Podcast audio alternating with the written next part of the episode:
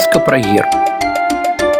У адным царстве, у адным гаспадарстве, можа ў тым самым, дзе жывём мы з вами, здарылася такое здарэнне.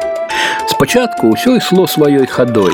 Мянялася ночка з зарой, людцы жылі сабе пажывалі, добра нажывалі і нават не задумваліся, што так вечна не будзе, што знойдзецца зайздроснік на іхняе шчасце. А яно між тым так і сталася. Жыў недзе за гарамі, за марамі, за дрымучымі лесамі люты цмок. І любіў ён выхваляцца. І я люты цмок, зубамі шчоўк шчоўк, кіпцюрамі драп-драп, хвастом ляп-ляп. Я самый прыгожы, я самый дужы, як жаба ў лужы. Гэта цмокава жонка, ведьма брыдкая, свае тры грошыкі прыткнула.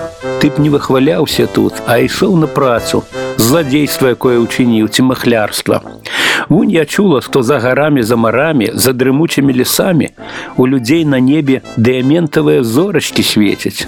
Ты такіх не маеш. Дык я пайду і скраду, сказаў цмок. Пайшоў і скраў, нанізаў на нітку, пачапіў сабе на шыю і зноў выхваляецца. Я люты цмок, зубамі шчоўк шчоўк, кіпцюрамі драп-драп, хвастом ляп-ляп. Я самый самый самый прусак з вусамі. Гэта зноў жонка яго пад'юджвае. Ты не выхваляйся, яшчэ ў дарогу збірайся. Я чула, што ў людзей на небе срэбны месячак свеціць. Ты такога не маеш. Дык я пайду і скраду, сказаў цмок. Пайшоў і скраў. Нанізаў на нітку, пачапіў на другую шыю. Дарэчы, трэба сказаць, што быў той цмок трохгаловый, ды яшчэ больш выхваляецца. Я люты цмок. Абыдай ты змоўк, жонка ведьма ніяк не супакоіцца. Ты стары сляпы корч.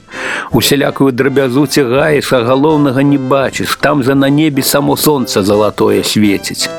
Дык я пайду і скраду, сказаў цмок. Пайшоў і скраў. Сонца сабе на трэцюю шыю пачапіў, а на месцы сонца ў небе свой партрэт павесіў. Маўляў, ён цяпер над людзямі цар гаспадар. На партрэце тым паўстаў цмок ва ўсёй сваёй красе. Пуза выкацяў, лапы да крылы раскірэчыў, адна галава на захад, другая на ўсход, трэцяя зверху ашчэрылася, а хвост абаранкам закруціў. І невядома, колькі б так мучыўся народ, ажна знайшоўся адзін хлапец, звалі яго Іван. Ды да кажа: Чаго распусцілі нюні, А ну седлаць коніў, пагоню, вызвалім сонца агонь. Але з яго толькі пасмяяліся, куды табе Іван прастак, які ж цябе ваяк, вытры смаркачы, цмока не перамагчы. Іван кпіны сцярпеў, нічога не адказаў, коніка аседлаў і ў пагоню рушыў. Спачатку паехаў ён да сваіх сябрукоў. Думае, збярэм войска, чым большае, смялей будзе смокам ваяваць. Прыехаў да першага дружбака, кліча. Гайда сонца вызваляць, але той дружбак яго спыніў. Ціха ты, чаго равеш, Навошта табе тое сонца, У цемры лепей ад смока хавацца, можа не заўважыць, можа не зачэпіць. Паехаю вам да другога сябрука, кліча. А той адказвае: ведаеш, мне і ў цемры неблага, калі светла будзе, трэба ж на працу цягацца. А так цэлы дзень ноч, спі сабе, колькі хочаш. Паехаю вам да трэцяга, а той яшчэ лепшый. Я кажа толькі гэтага і чакаў у цемры красці лягчэй. Я тут такія месцы разнюхаў, ёсць чым пажывіцца. Вось табе сябручкі, вось табе і памочнікі. Але наш Іван рук не апусціў. Чалавек вольны на ўсё здольны. Паехаў ён адзін з смокам ваяваць. Едзе Іван паспешае, але ўсё навокал прыкмячае.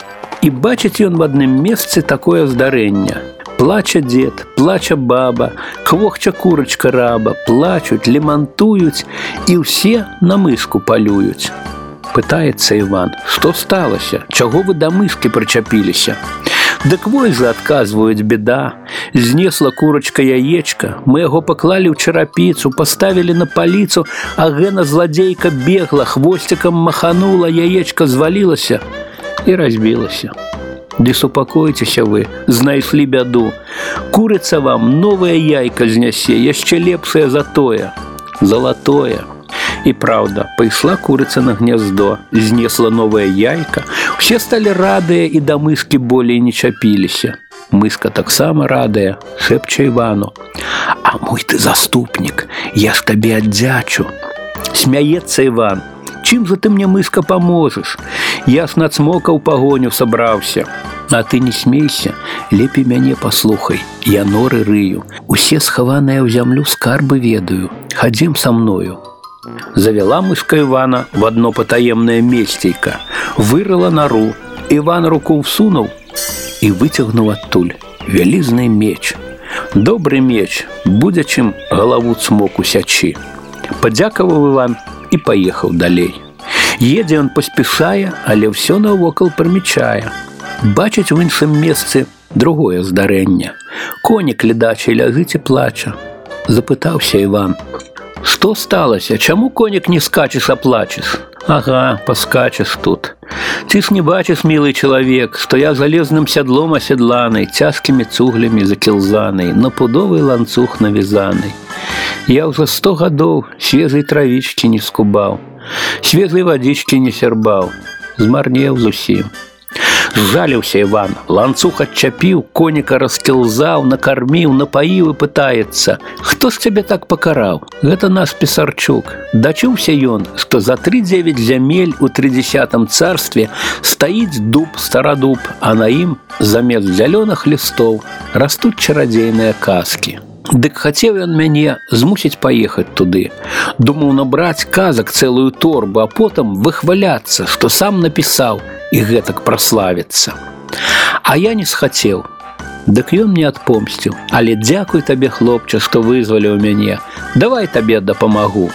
Што ты не трэба, я коніка маю.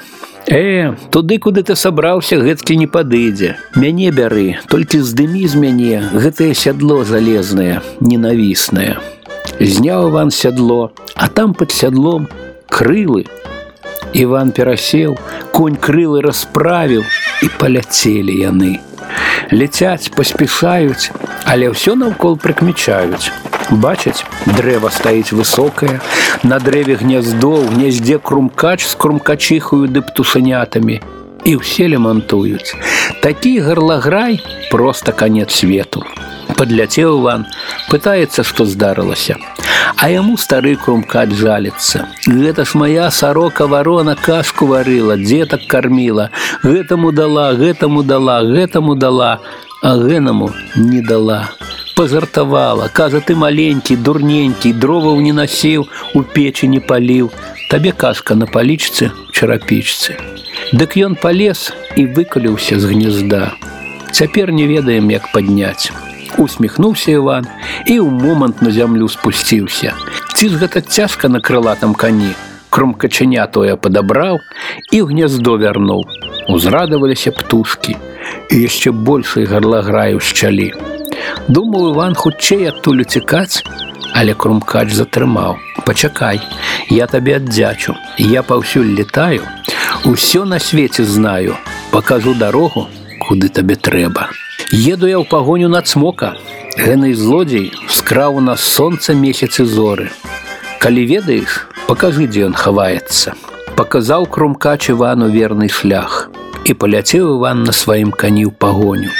Ляцеў ён ляцеў цераз высокія горы, цераз глыбокія моры, цераз шырокія палі на самый край зямлі. Прыляцеў на гнілое балота, бачыць, пасярод балота купіна. Скочыў ён на яе і давай крычаць: « Гэй, цмок, вылазь, стапчу цябе ў гразь. Цішыня, няма цмока. Іван яшчэ раз крыкнуў: « Цмок вылазь, стапчу цябе ў гразь. Цішыня. Тады третий раз гукае Іван. Вылазь, стапчу цябе ў гразь. Тут купіна затрэслася, паднялася ў гору. І аказалася, гэта сам цмок і быў. Зараз побачым, хто каго стопча. Толькі цяпер зразумеў Іван, з кім яму біцца давядзецца. бо на трох цмокавых шыях пазнаў ён скрадзенае сонца месяц ды зоры. Але слова гонару дадзена пагоню і кінуўся Івану бой.